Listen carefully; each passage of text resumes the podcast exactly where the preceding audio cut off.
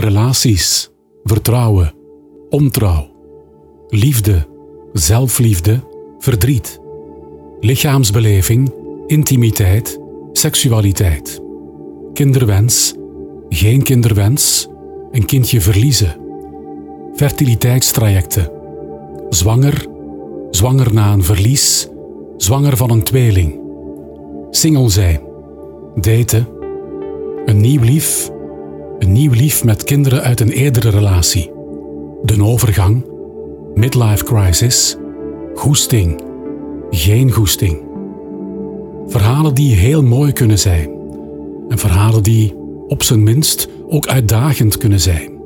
Verhalen waar jij, ik, wij allemaal mee te maken kunnen krijgen. Vroeg of laat. Kunnen. Dus misschien ook niet, hè?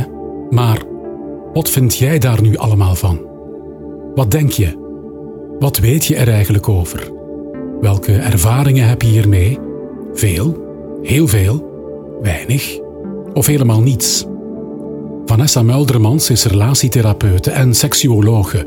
En in haar praktijk spreekt zij dagelijks met vele cliënten over meerdere van deze onderwerpen. Zelf zegt ze hierover geprivilegeerd te zijn dat deze mensen zoveel echte, pure, eerlijke verhalen met haar delen. Elke dag weer. We kunnen zoveel leren van elkaars verhalen, door het uitwisselen van ervaringen. En vandaag doet ze dat met ons, met jou en met mij. Vandaag neemt ze ons, jou en mij, mee. Ze neemt ons mee naar de praktijk, naar de realiteit, naar de pure, rauwe waarheid, naar haar praktijk zonder regisseurs, zonder aanwijzingen, zonder marketingstunts. En ze laat haar cliënten als ook een aantal collega's aan het woord.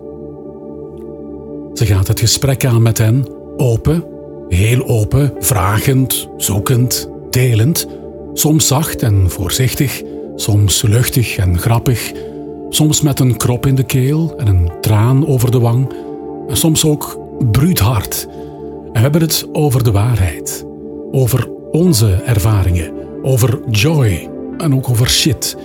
Over de soms mooie en de soms harde realiteit, maar altijd eerlijk, bruut eerlijk.